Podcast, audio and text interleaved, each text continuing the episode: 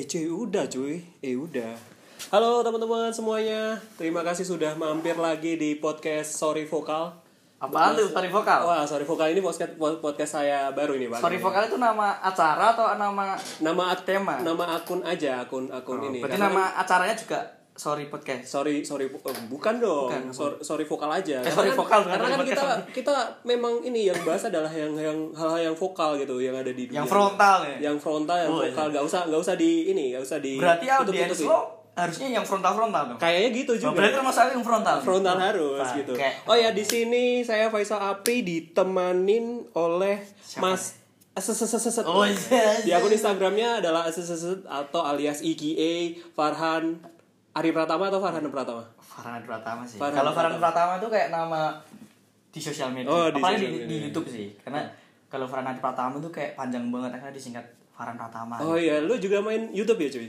Ya, Udah- udah, udah. main selama berapa tahun ya? Setahun. Tapi eh, ini subscribe-nya udah lumayan. Wala ya. Udah menghasilkan ya? tipis-tipis sih. Oh, iya. Menghasilkan tapi tipis-tipis. Tapi udah oke dong ya kayaknya. Ya, takaran oke sih subjektivitas sih. Kalau Oke. menurutku, aku belum bisa bilang kalau aku udah oke karena Iya. Tapi yang jelas udah menghasilkan sesuatu yang kamu kerjakan itu udah menghasilkan kan? banyak hal. Banyak hal. Kadang orang mikir kalau jadi youtuber kan mesti ngejarnya tentang adsense kan. Iya, oke. Tapi setelah berjalannya waktu, ternyata bukan tentang adsense doang yang aku dapat. Kayak misalkan pertemanan, link gitu, circle baru, terus juga akhirnya ternyata nih ya ada Hmm. brand-brand besar yang menyoroti gitu loh. Oke oke oke. Itu ditahan dulu Oh, cuy. ditahan dulu. Oh, ditahan dulu. Oke di Oh, iya, sini iya, iya, iya, kan iya. kita belum masuk ke sana Oh, cuy. belum ya? Oke belum dong. Oh, siap dong. Masa langsung masuk ke inti sebuah Oke, oke, oke, eh, oke. tema gitu kan Oke, enggak. boleh, boleh, Oke boleh. kalau untuk saat ini teman-teman eh, pendengar podcast sorry vokal banget kayak gini. Ya, sorry vokal banget. Sorry vokal. Eh, sorry sorry vokal. vokal. Sorry vokal kan. Sorry vokal ini Iya. Eh, kita hari ini pengen bahas yang namanya adalah eh, bagaimana mengapresiasi diri ketika kamu itu berada di titik terendah gitu. Wah, berat banget sumpah. Ya memang harus vokal pak ini karena kan sorry vokal banget cuy ya kan. Oke, Oke. Nah kalau dari lu sendiri gimana cuy? Eh masa Di- sesat di- di titik terendah Ah, ya? di titik terendah. Eh, ini penting banget sih. Pernah gak? Pa- Pasti kan pernah kan. Sebenarnya Di sekarang titik- pun aku masih ngerasa bahwa aku lagi di titik terendah.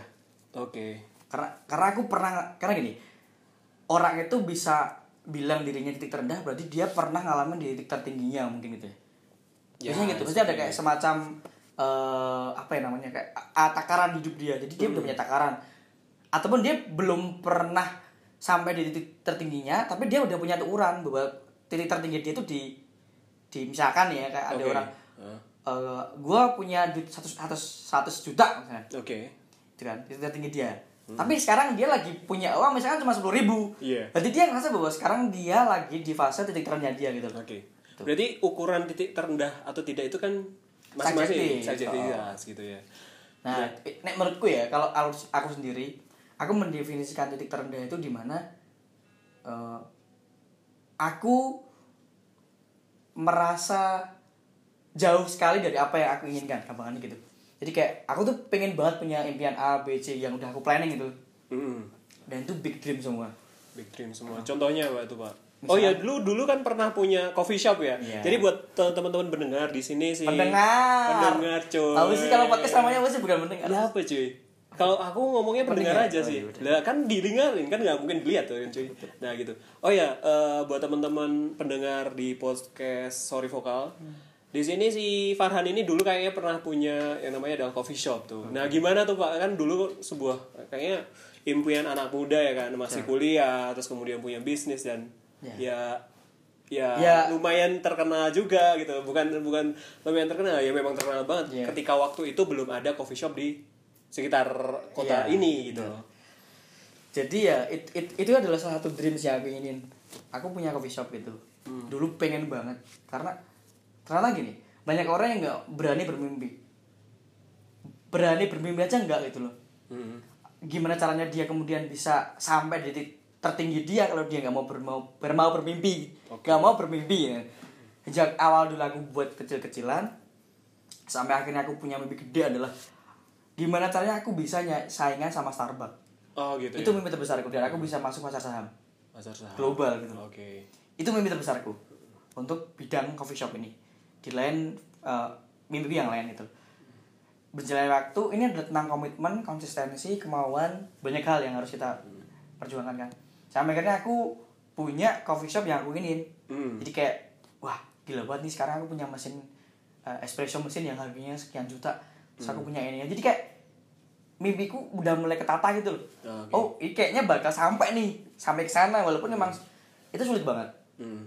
nah aku udah jalanin berapa tahun ya kalau di dunia Setahun lebih? di coffee shop tahun? ya Ah, di di kopi ya di kopi. tiga tahun lah Tiga tahun cuy. Dari dulu ngemper ya cuy. ngemper sampai dulu, sekarang sampai, sekarang sampai kemarin tahun-tahun yang dulu sampai punya gede kok ya aku bilangnya lebih ke coffee shop coffee shop. yang gede itu sebuah perjalanan yang yang sebenarnya aku udah udah udah mimpiin banget bakal punya dan aku nggak tahu dari mana kan tiba-tiba ada aja gitu rezeki. Ya udah aku jalanin tapi tiba-tiba tengah jalan ada miss sama partner kan. Terus akhirnya aku harus jat ya aku ngerasa aku jatuh.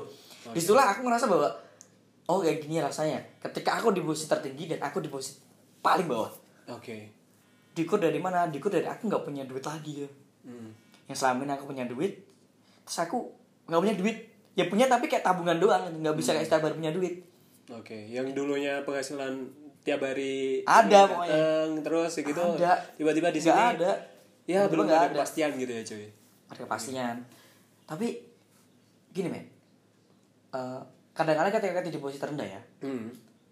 itu semua yang main adalah mental Oke. yang yang yang yang gimana yang bisa menyelamatkan atau enggak Hmm. karena kalau lo nggak punya mental yang kuat untuk menjadi seorang pebisnis atau wira swasta atau apa pun ngomongnya lah.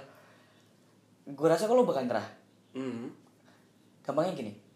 Di luar sana itu banyak banget sebenarnya ketika lo pengen bisnis dan ada banyak tawaran misalkan. Eh ada pekerjaan nih lawan pekerjaan. Sebenarnya gue gak nyalahin lah ya sama orang yang kerja gitu. Gue gak nyalahin.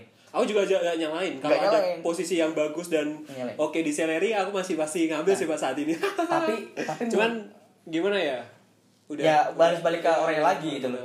tapi menurutku ketika ketika aku udah mendefinisikan diriku sendiri bahwa aku harus jadi seorang wirausaha sejak, Hmm. sejak dulu ya aku harus ber- berkomitmen bahwa aku nggak mau ikut orang gitu loh Ah. ketika banyak tawaran mending lu masuk kerja ini deh Hmm. kerja ini sebenarnya aku juga coba karena ada kayak semacam apaan sih kayak kalau jadi kayak akhirnya aku agak sedikit permisif Hmm. ketika aku pendapatan juga mulai seret ya aku harus coba Muter nyari ya, muter iya ini. nyari nyari dengan kayaknya aku harus kerja deh, Kerja deh, gitu buat ya. nabung dan sebagainya tapi kayaknya perusahaan itu kayak nggak bisa nerima aku men Iya. aku udah daftar di mana-mana kayak perusahaan sampai bener-bener di taraf aku ngobrol sama CEO-nya orang luar orang India gitu aku pernah Oh berarti udah mau di offer gitu? Mau berapa di... kali bos Oh, iya. tapi akhirnya cancel gara-gara mungkin lihat pribadianku yang orang yang kayaknya perusahaan tuh nggak bisa diterima orang kayak aku kayak yang bisa diatur karena Memang susah diatur ya? susah Ci? diatur Oke. gak gak mau diatur karena kayaknya enak banget kalau apa apa tuh kita yang ngatur sendiri gitu jadi kayak nggak ada sebuah ketika kita ngelakuin ini nggak ada konsekuensi yang harus diatur sama sama atasan kita gitu jadi kayak soalnya aku pernah kerja cuy Hmm. dan apa apa diatur dan gak enak banget aku berontak Oke. akhirnya aku tahu oh ternyata kayaknya aku harus dari sendiri aku harus merasa, merasa bahwa aku punya potensi yang itu yang harus aku maksimalin Terus dengan eh, ini kamu tadi kan kembali ke topik ya Hmm. cuy. Nah tadi kan kamu merasa di titik terendah itu. Nah cara ke kompromis dengan diri sendiri itu bagaimana tuh kayak gitu? Kan pasti ada orang un- untuk coping copingnya masing-masing kan terkait dengan apa eh, masalah problem solving apa apa problem yang dihadapi oleh dirinya masing-masing tentunya gitu. Mungkin kita merasa dirinya apa di titik terendah. Nah, itu kompromimu bagaimana tuh? Nah, Sebenarnya atau, gini. atau kita kita tuh musuhan sama yang namanya hari ini. idealisme kita tuh sangat idealis sama sebenarnya idealis itu penting banget sih kita tanpa idealis kita nggak tahu arah kita mau ke mana Hmm. Dan sampai sekarang kamu masih idealis. masih idealis Oke. tapi aku kadang tapi kadang aku dijegal sama yang namanya permisif cuy Hmm. jadi idealis yang sedikit permisif jadi kayak apa ya aku tuh pengen banget ya kalau misalkan idealisku adalah aku tuh pengen banget nantinya punya perusahaan dan aku tuh Eh, tinggal remote perusahaan aku tuh traveling ke mana-mana itu eh, tapi per- permisifku adalah aku belum bisa kayak gitu belum bisa sampai di titik itu ya aku akhirnya ya udahlah apa yang bisa aku kerjain sekarang kerjain. Dia ada nilai permisifku walaupun permisifku itu kalau aku logikain paling cuma 10 sampai 20 persen yang itu sebenarnya yang aku paling suka juga jadi permisif tapi yang hal yang tetap aku suka jadi di- Oke. bukan bukan di luar zona aku tapi tetap di zona aku bahwa aku suka sama apa yang aku kerjain sekarang Oh, berarti lebih kayak self employer sendiri daripada ikut orang. Tapi kamu pernah mikir nggak sih, cuy? eh, ketika kamu ikut bekerja di suatu perusahaan, tentu saja kan di situ kan ada yang namanya ada value dari perusahaan sendiri. Terus kemudian ada eh, bagaimana sih kita memanage sebuah perusahaan. gitu. Terus kemudian dia model model sistem manajemen, terus model model-model kayak apa tuh namanya ISO dan lain sebagainya. Terus Ya. ada juga eh, kayak misal nih tender dan lain sebagainya. Kan dari perusahaan kan ada tuh yang bergerak di bidang jasa harus tahu apa Dia- regulasi dia belajar gitu ya? regulasi dan lain sebagainya. Jadi eh, kalau de, apa ya mungkin sedih sharing juga sih. Kalau dari aku sendiri aku belajar nyemplung di perusahaan itu ada untuk gimana sih sistemnya. Kalau sudah sudah sudah dapat nih ya sudah dapat oh cuman kayak gini gini doang. Ya udah aku cabut cuy tapi kenapa enggak gini? Aku punya aku punya beberapa teman yang pengusaha gitu. Dia tanpa ada keinginan buat masuk perusahaan tapi di hire orang. Untuk nge eh, untuk nge semuanya gitu loh. Selesai. Karena ya Kita- aku nih, aku karena, ya, karena dia nggak pengen buang-buang karena, waktu. karena dia punya duit cuy. Sepakat, Nah, sepakat. duit. tapi kalau aku tetap berusaha untuk aku nggak mau masuk ke perusahaan atau kerja sama orang karena Hmm. nggak enak banget. Gimana ya ngomongnya ini bukan berarti salah loh ya Iya, tapi karena oke. ini aku ngerasa bahwa aku nggak enak diatur orang. Aku pengen tetap gimana caranya apa yang aku impiin. Walaupun sekarang aku lagi di bawah banget yang ngerasanya Mhm. ya. Yang bisa nyelamatin kita kembali lagi ke tadi ya. Eh, posisi di mana paling rendah tadi ya. Hmm. ya yang bisa nyelamatin adalah sebenarnya idealisme lo sama eh, idealisme lo ke mimpi. Oke. Jadi kayak ketika lo di bawah dan lo masih ngerasain bahwa oke gue gue gue sadar bahwa sekarang gue lagi di bawah gitu. Hmm. itu pertama. Lo harus sadar bahwa lo lagi di bawah. Dan kedua keyakinan lo tentang mimpi lo tuh jangan pernah pupus. Iya, ini iya. yang paling penting gini. Lo jangan pernah ngerubah mimpi lo tapi lo rubahlah jalan untuk menuju mimpi lo Iya bener sih. Komprominya kayak gitu ya. Itu Tapi komprominya. tapi kadang kan juga tuntutan dari orang tua tuh. Ya mungkin apa ya dari tuntutan orang tua kan pengennya kan ya Ya, anaknya tuh kayak punya ber- status, berpenghasilan gitu, dan lain tetap, gitu. ya. kayak gitu tetap gitu. Tapi eh sekarang juga orang tua juga nggak tahu seorang freelancer itu sebulan itu dia dapat berapa cuan sih gitu. Kan sekarang banyak loh pak teman-temanku yang apa ya mungkin dia remote working from home. Jadi dia kerja di sebuah perusahaan luar gitu dan dia nggak ada status karyawan pun tidak ini tidak. Dia punya duit. tapi wah. Nah iya makanya kan. Kaya pak. Sumpah. Sebenarnya kan selama ini yang dicari yang dilabelin kan status sama status keuangan. sama keuangan gitu. Iya. iya. Ya ngapain punya status kalau dia punya duit? Hmm benar-benar kan sama aja endingnya sama, sama aja kalau endingnya dia punya duit kan? Misalkan dan, misalkan dan ada gini orang loh pak dan gini loh. Dan ada juga ada juga temanku dia punya CV pak. Hmm. CV CV ya di bawahnya PT itu. Si punya CV tapi eh, karena ketika apa usahanya agak rendet kan ya CV-nya masih tetap berjalan gitu. Tapi untuk stat kesetatusan dia itu dia rela loh pak masuk ke sebuah perusahaan orang lain loh.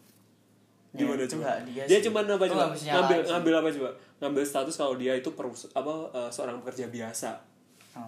Nggak tahu buat apa ya mungkin ya mungkin ya mungkin dia ada biar something di mungkin eh, something di belakangnya mungkin kan ada juga tuh pak kayak apa anak kuliahan kan apa berdasarkan apa ya mungkin ya berdasarkan penghasilan orang tua dan lain sebagainya ketika dia sebuah owner kan tentu lebih tinggi dong gitu Hmm. kalau per- eh, pekerja biasa kan pasti berbeda kan kayak gitu.